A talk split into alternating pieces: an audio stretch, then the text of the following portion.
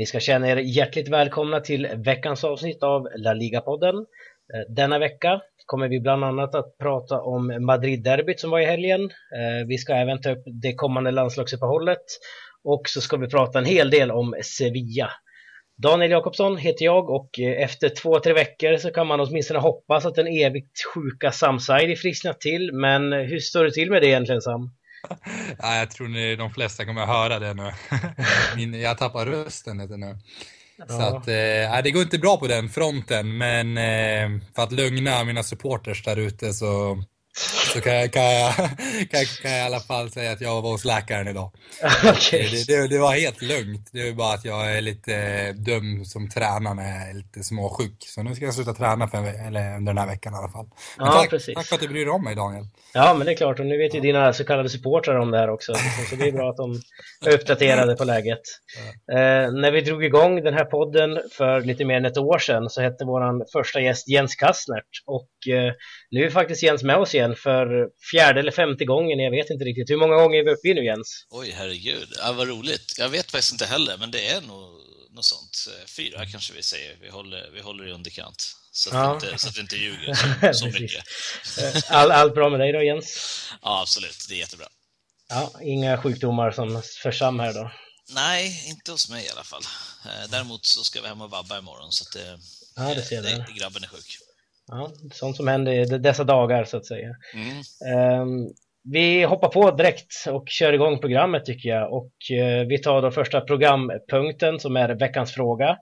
Uh, dit ni skickar era frågor eller ämnen till laligapodden gmail.com och uh, eventuellt så tar vi upp den frågan eller det ämnet nästa vecka. Um, den här veckan så har vi fått ett ämne, faktiskt första gången vi tar upp ett ämne, vi brukar vara en fråga här vanligtvis. Eh, och den är inskickad av eh, Sami Klang heter han. Han är Valencia-supporter och undrar ganska enkelt måste man ändå säga hur vi ser på relationen mellan klubbarna Valencia och Villarreal. Eh, han menar i sitt eh, mejl här att Valencia är storebror till Villarreal. Eh, vad säger du Sam? Hur ser du på relationen mellan Valencia och Villarreal? Ja, jag ser, ser väl också Valencia som lite storebror och det har väl kanske inte att göra med att det är en äldre klubb, det är inte så mycket äldre. Ehm, men det har väl lite med det internationella ryktet de har, att det är en större stad och ehm, ja, det hade ju varit liksom en extremt stor skillnad om de hade vunnit de där två Champions League-titlarna kan man tycka i finalen 0-0-0-1 där. Ehm, men eh, Ja, det här med storebror lillebror relation har inte alltid att göra med titlar heller alltid, eller vart man är i dagsformen just nu, för nu leder ju inte Villarreal ligan, utan det är någon slags tradition som spelar in och det är liksom helheten, allt från liksom staden, hur stor den är, ibland kan det ju vara samma stad, men eh, hur mycket supportrar man har, mm. givetvis meriter också, så att jag skulle ändå hävda att Valencia är någon slags storebror, men eh, Ja, det hänger också ihop med att Villarreal är en liten charmig ort, liksom, där det bor Precis. inte så många människor.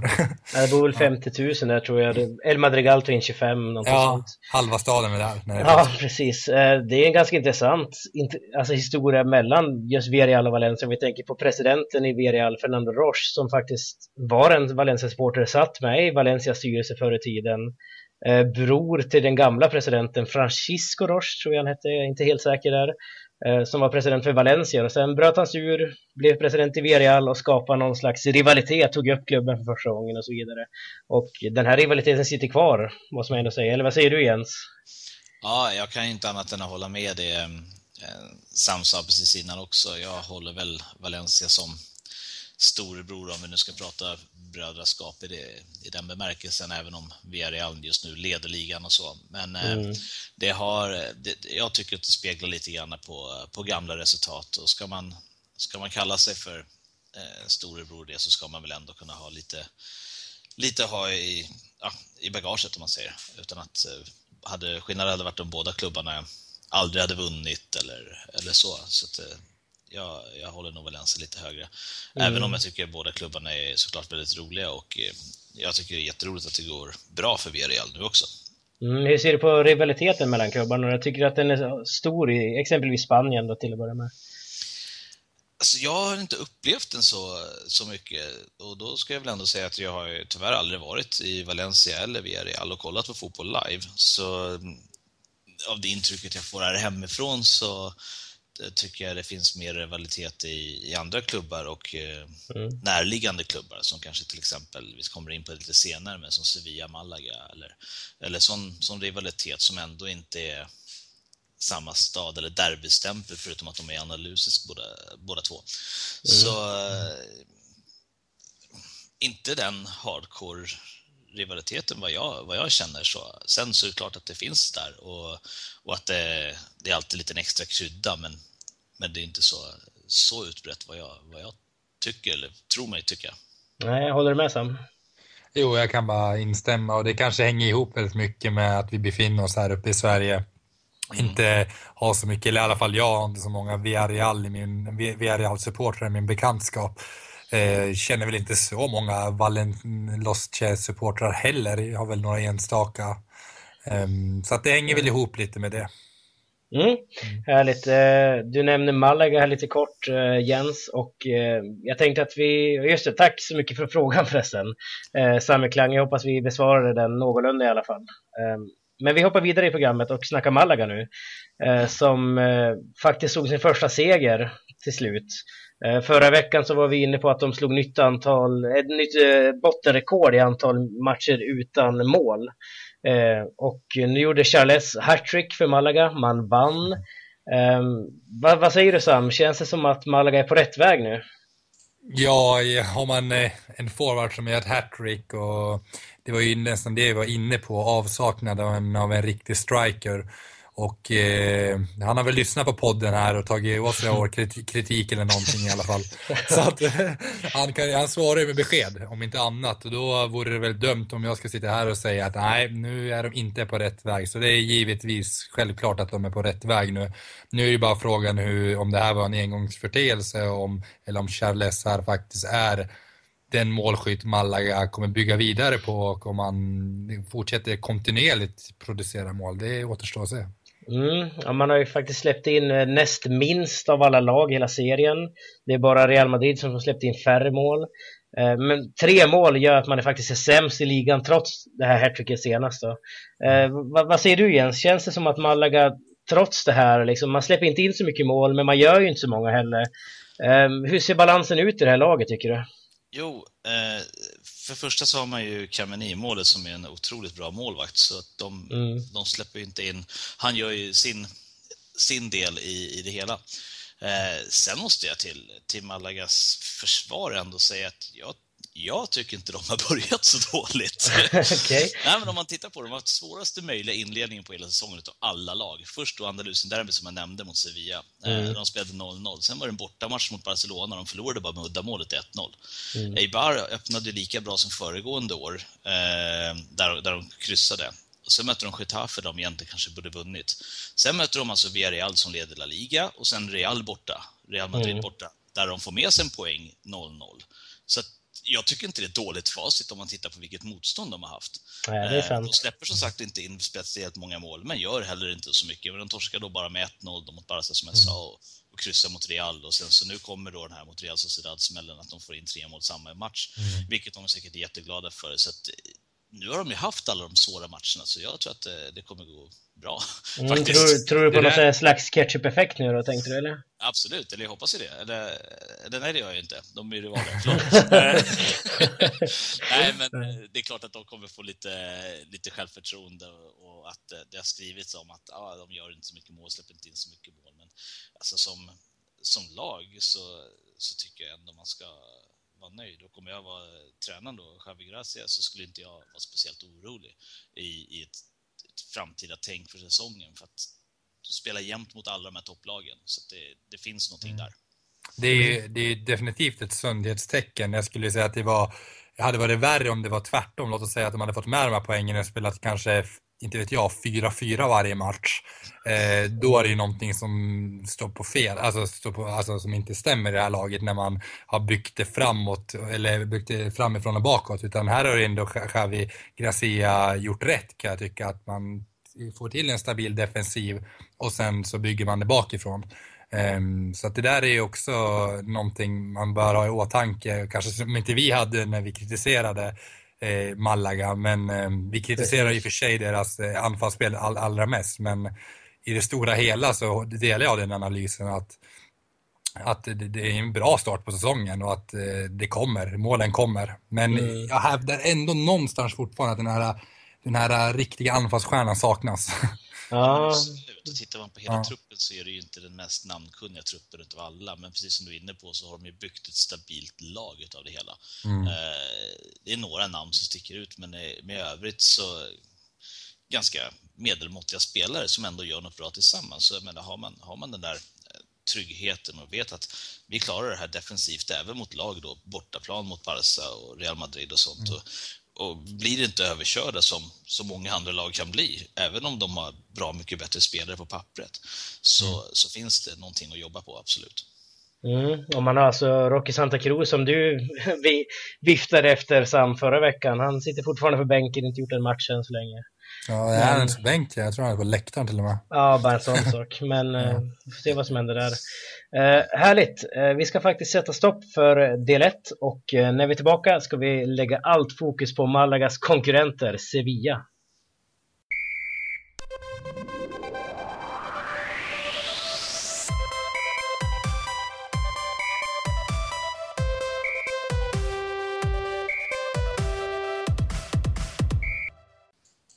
Trots en ganska så dålig start på säsongen så lyckades faktiskt Sevilla dänga dit Barcelona i helgen ehm, med 2-1 hemma på Ramon Sanchez Pizjuan. Två snabba mål i mitten av den andra halvleken rörde till det för katalanerna som eh, aldrig kom tillbaka och eh, Sevilla tog därmed sin andra raka trepoängare. Alltså. Ehm, hur var matchen Jens? Eh, den var faktiskt spännande. Det var, det var chanser som eh, gick åt båda hållen faktiskt, men eh, jag hade nog förväntat mig lite mer eh, intensitet ändå. Jag tyckte Barcelona spelade ganska tamt stundtals och var heller inte jätteimponerad av eh, Sevillas spel som helhet i, i grejen, utan de, de stack upp ett par gånger och gjorde det riktigt farligt. Eh, och så, så jag var, var lite förvånad när, när, när bollarna ramlade in åt, på rätt väg, om man säger så, för Sevillas mm. del. Då. Ja, eh, du håller ju på Barcelona Sam. Eh, hur, hur, såg du på den här matchen om vi tar liksom från Barcelona-fokus eller mm, perspektiv? Ja, från ett Barcelona-perspektiv så var ju känslan att ja, Barcelona kom upp i normalstandard. Eh, en enda, eller jo, de kom inte upp i normalstandard under längre perioder utan det var nästan som att man vaknade efter 2-0 målet, efter eh, Iborras 2-0 mål där, då tog man tag i, i händelserna. Annars var det väldigt jämnt. Barcelona hade ju inte något mittfältspel utan bollinnehavet var väldigt jämnt. Eh, Sevilla, precis som Jens säger, kom inte heller upp riktigt i normal standard. Deras, den här intensiteten som man är van att se, speciellt mot Barcelona eller andra större lag är på besök, den fanns inte heller där riktigt. Eh, utan den intensiteten kom mer från fansen i vanlig ordning. Ja. Så att det var någonting, någonting som saknades. Så att det blev lite att, jaha, där blev det mål. 1-0. Och så ja, kom 2-0. Och, ja, jag vet inte riktigt vad det var. Lite, och så fick ju Barcelona straffen då. Och, ja. och jag tänkte ändå, det var kvarten kvar att spela. Jag tänkte, ja, men nu är det bara, nu är det bara att lyfta allting framåt och bara köra. Mm. Men det kändes i alla fall som de inte gick för fullt. Nej. Eh, alltså för att jaga kvitteringen då till, till att börja med och sen så kanske även då ett segermål eller vad man ska mm. säga. Mm. Det var men lite vad... lojt helt enkelt. Mm. Ja, men vad, om vi säger så här då Jens, var, varför vinner Sevilla liksom den här matchen? Vad gjorde man rätt som kanske man utnyttjade och trots att det såg lite tamt ut som du säger? Mm, alltså, de har, ju, de har ju väldigt bra mittfältspelare just nu. Jag kommer väl in lite på det att eh, de saknar egentligen den givna målskytten. Men, eh, men just som du säger, normalt sett så brukar ju Barcelona kunna vara det laget som kan hålla bollen mest av alla på mittfältet och bara rulla runt. Men jag tycker mittfältet just nu i Sevilla ser väldigt, väldigt bra ut med, med Krondeli och Krychowiak och sen så även då Ibora nu som fick en eh, lite mer tillbaka. Han är ju mittfältare så, men, men går upp mot anfallen och sånt. Så det finns ju väldigt mycket kvalitet där och avsaknaden av Iniesta och Messi för Barcelonas del tror jag betydde mer än vad de vill erkänna. Mm.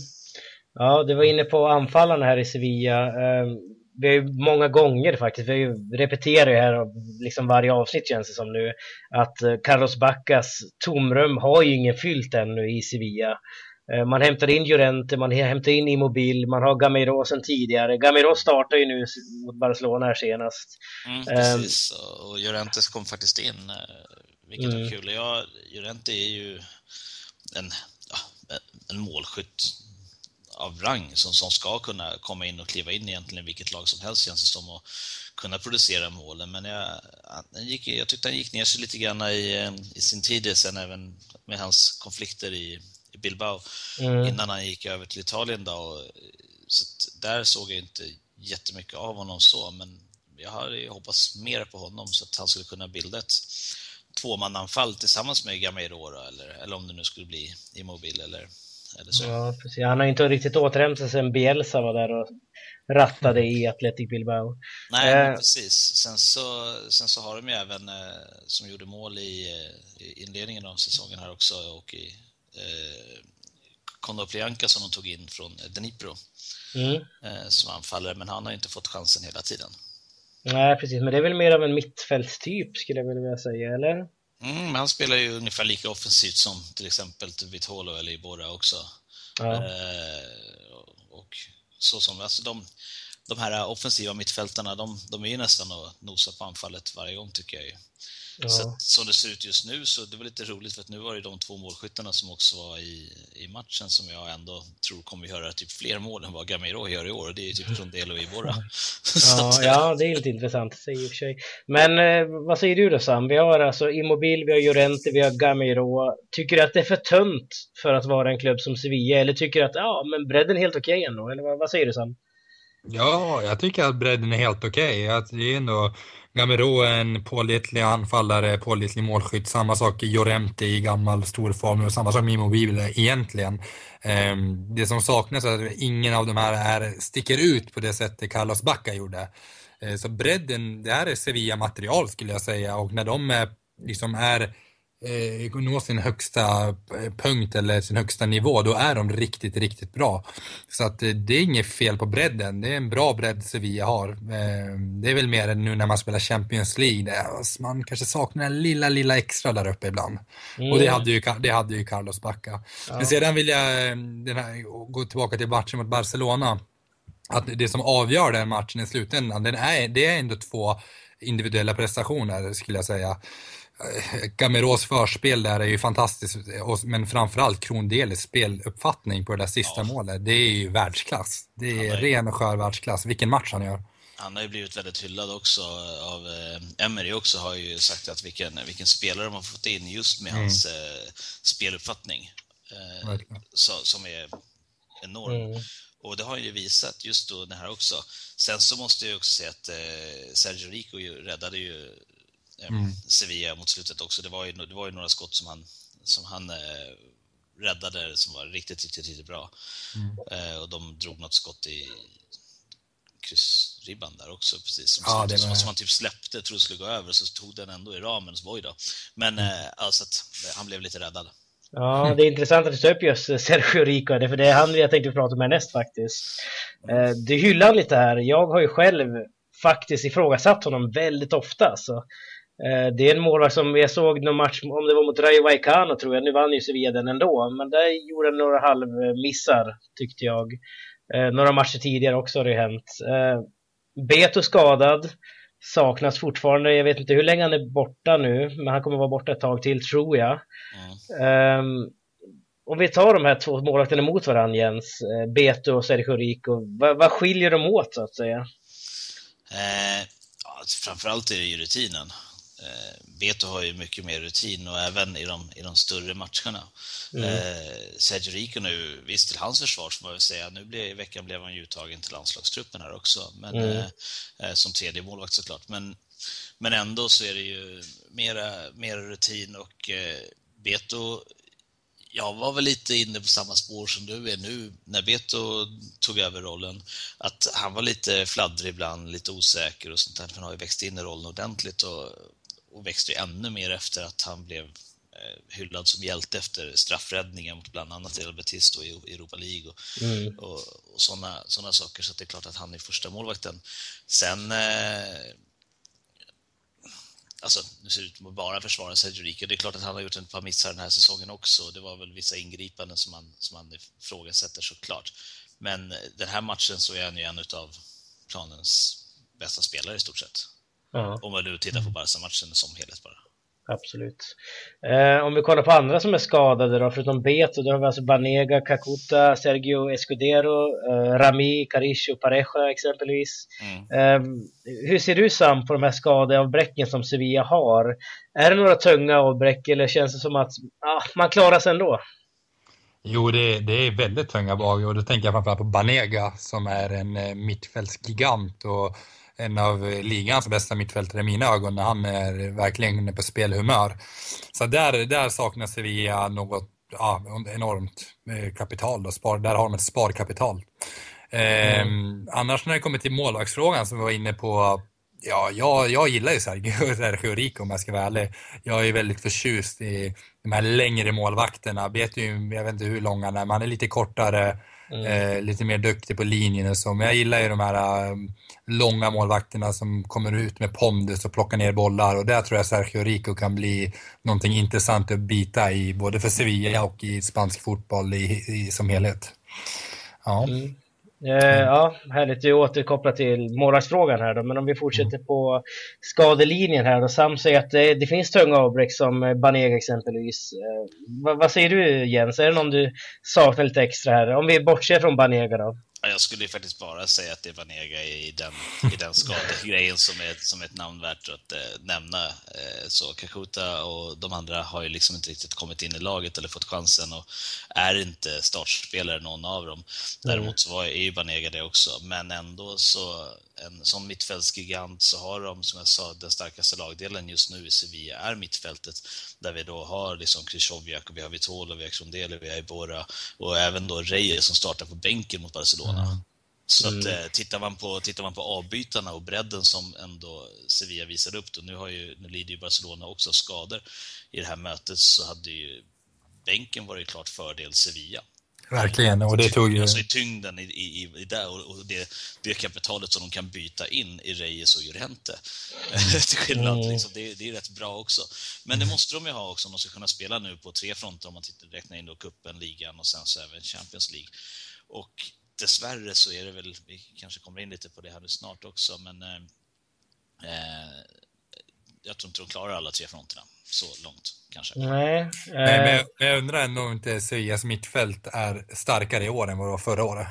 Mm, jag, jag, jag, är nog inne på den linjen också. Ja. ja, men det är lite intressant det här dock med just Champions League. Det var ju några år sedan man var med senast.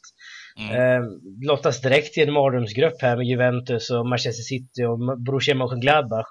Eh, står det på tre poäng nu inför uppehållet här vad, vad, tror du Jens? Kan man, tar man sig vidare Sevilla eller hur ser du på deras chanser? Ja, alltså jag hade hoppats på en jämnare match i Turin. Ja, ja det förstår jag.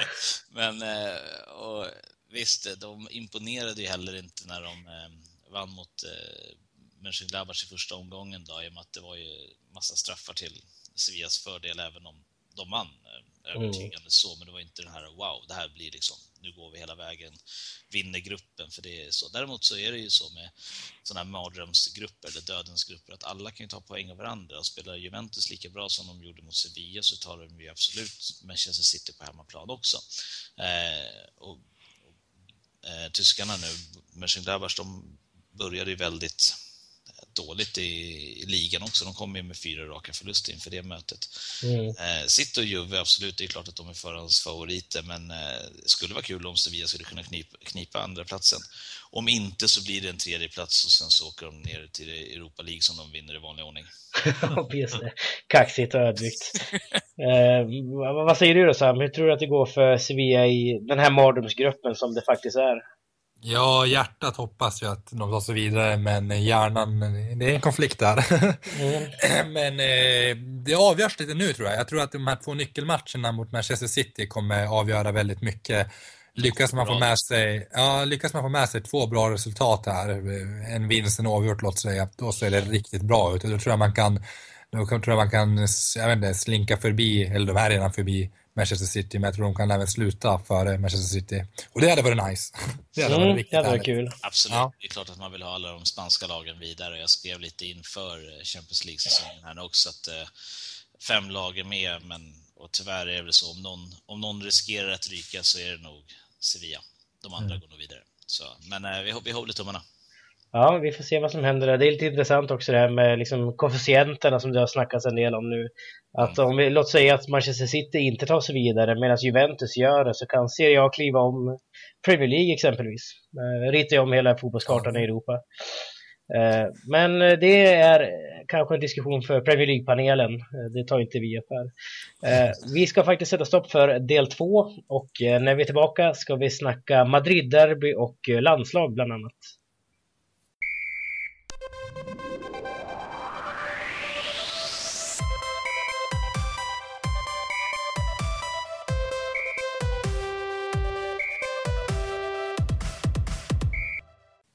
I denna tredje och sista del var min tanke att vi skulle börja snacka om Madrid-derbyt som var nu i helgen.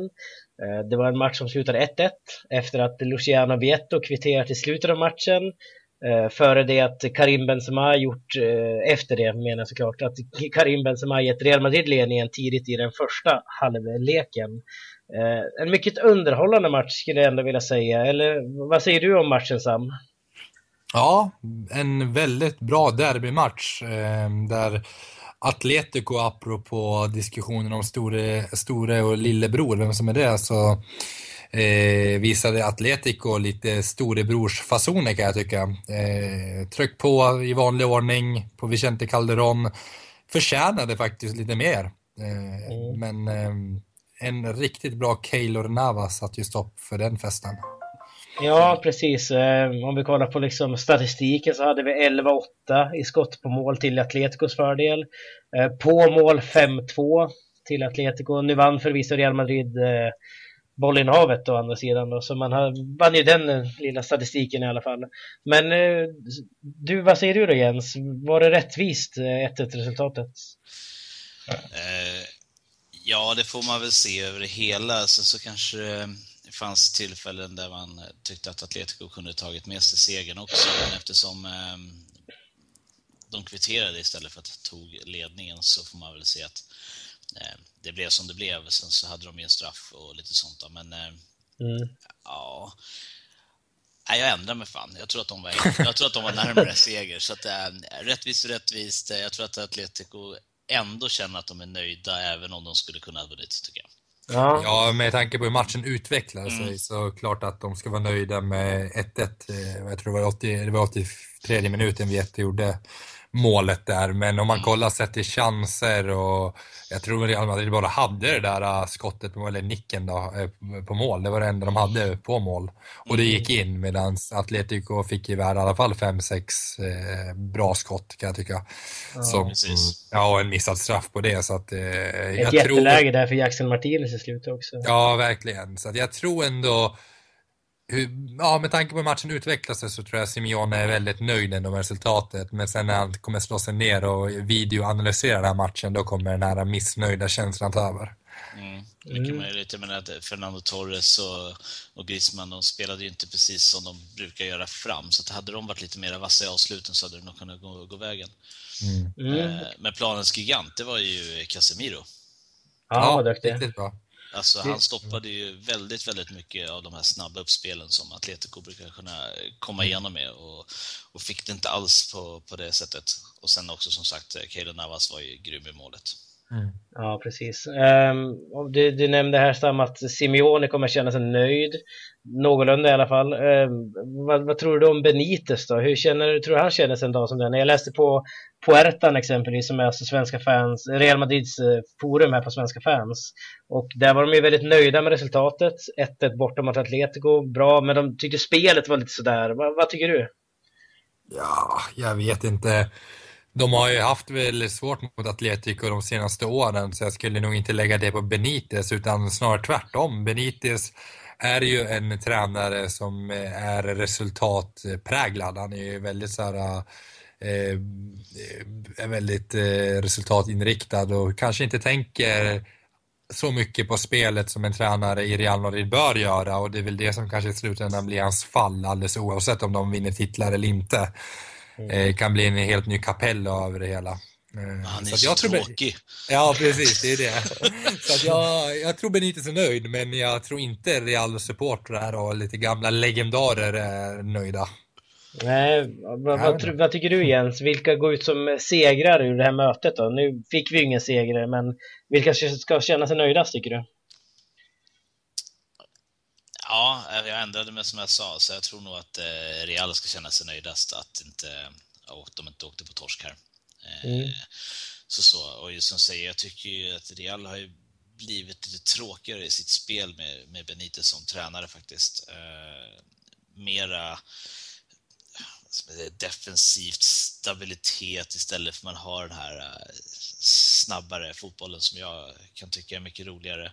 Eh, mm. Och tittar man på, på vad de får ut här med Ronaldo var väl rätt iskall genom hela matchen och det, det är väl i och för sig inte Benites fel. Eh, det, så kan det vara såklart beroende på vilka, mm. vilka man möter. Eh, men de, de, fick ju inte in, de fick inte ut någonting av, av någon av dem som kom in heller, varken Bale, Arbeloa eller, eller Arbeloa förresten, han var ju überdålig. och Kovacic, så att, eh, drog ju på sig ett kort det första han gjorde väl, i stort sett. Ja, så, så gav han ju bort den här segern också, måste man ja. nästan säga. Ja, men jag, där måste gott öga på honom. Tittade ja. ni på vad Varane gjorde eh, vid, eh, vid Atleticos mål? Mm. Ja, han, han stod still någonstans i straffområdet. Jag tänkte så här, men herregud, hur kunde det gå till? Och sen så tittar man, han, han kommer långt efter sin löpning, så jag, jag skulle nog lägga det lite på varandra faktiskt.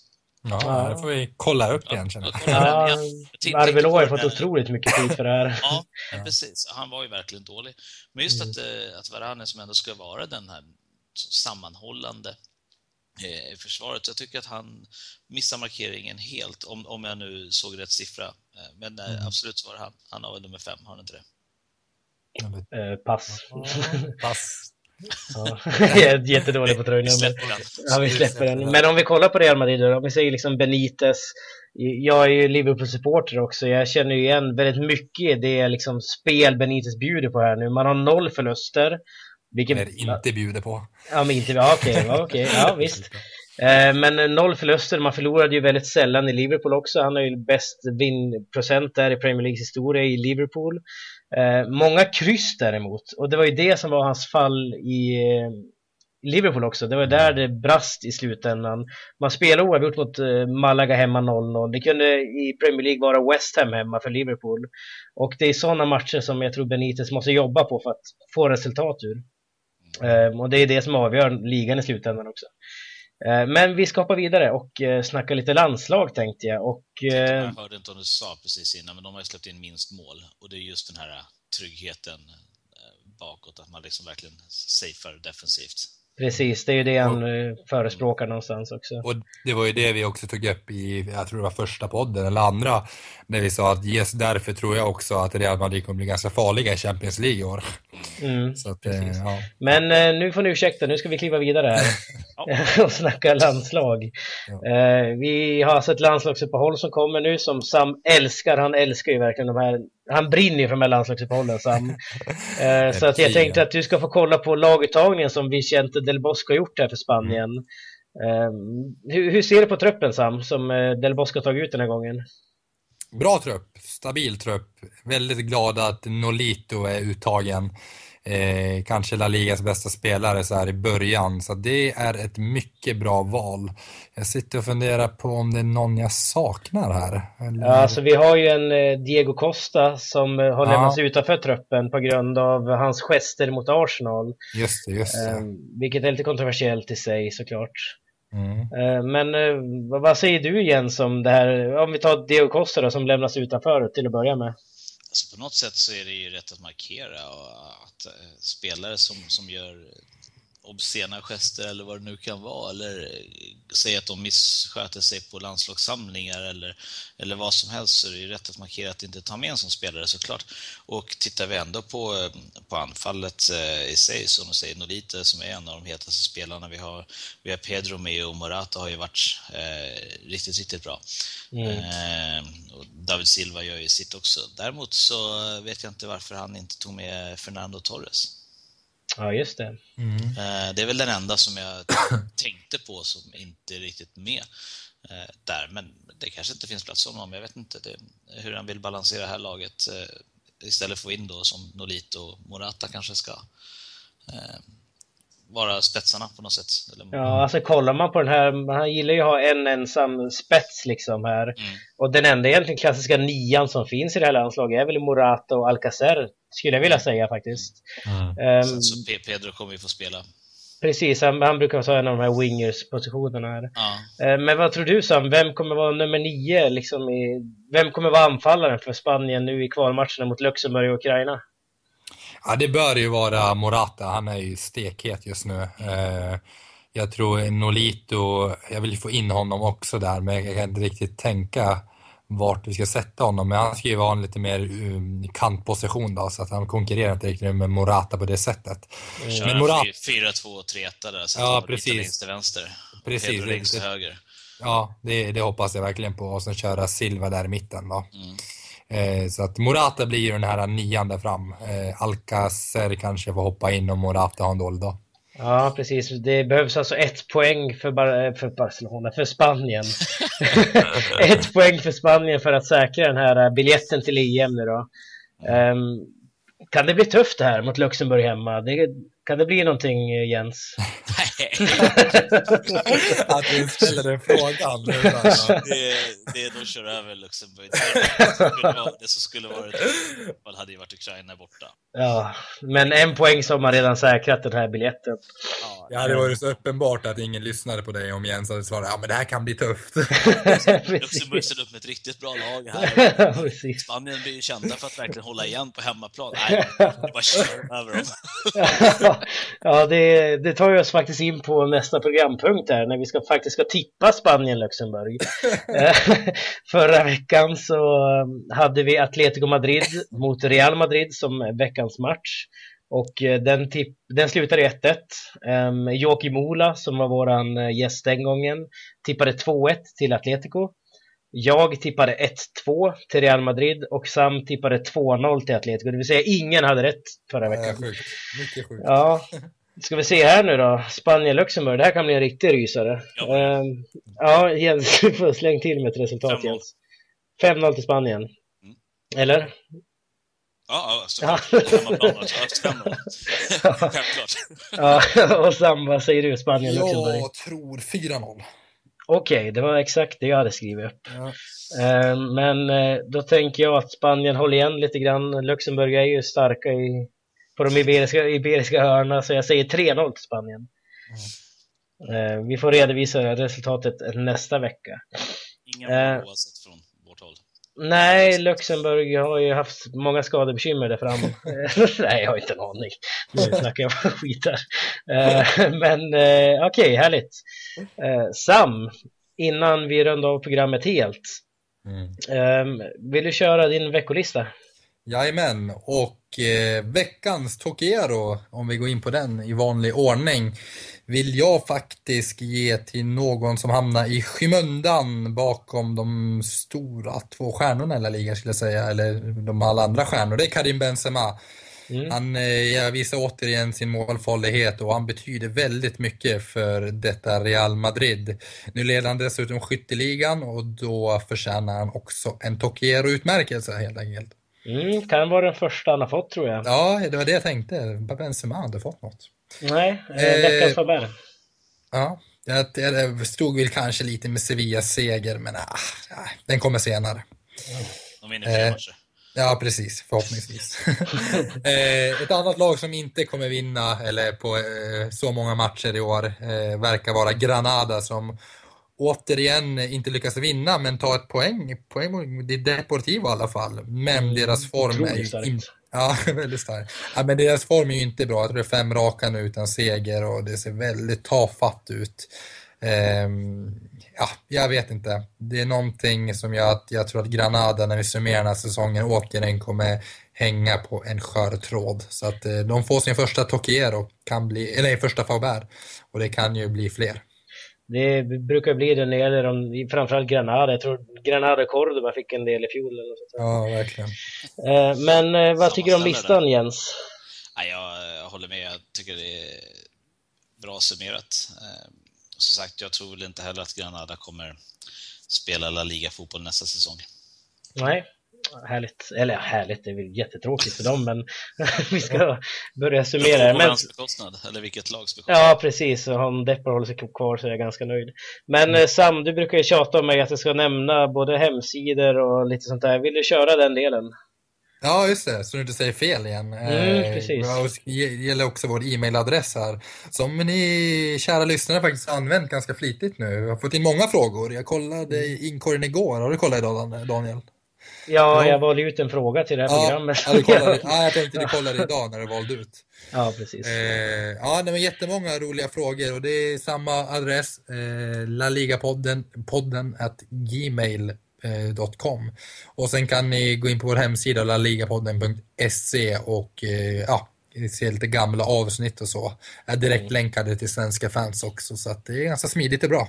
Mm, precis, och det är inte laligapodden.nu som jag sa för några program sedan. Eh, så ignorera det, laligapodden.se alltså. Mm. Men eh, tack så jättemycket för att du var med den här veckan Jens. Ja, tack själv, det är alltid, alltid lika roligt att vara här. Jag är alltid ett nöje att med dig.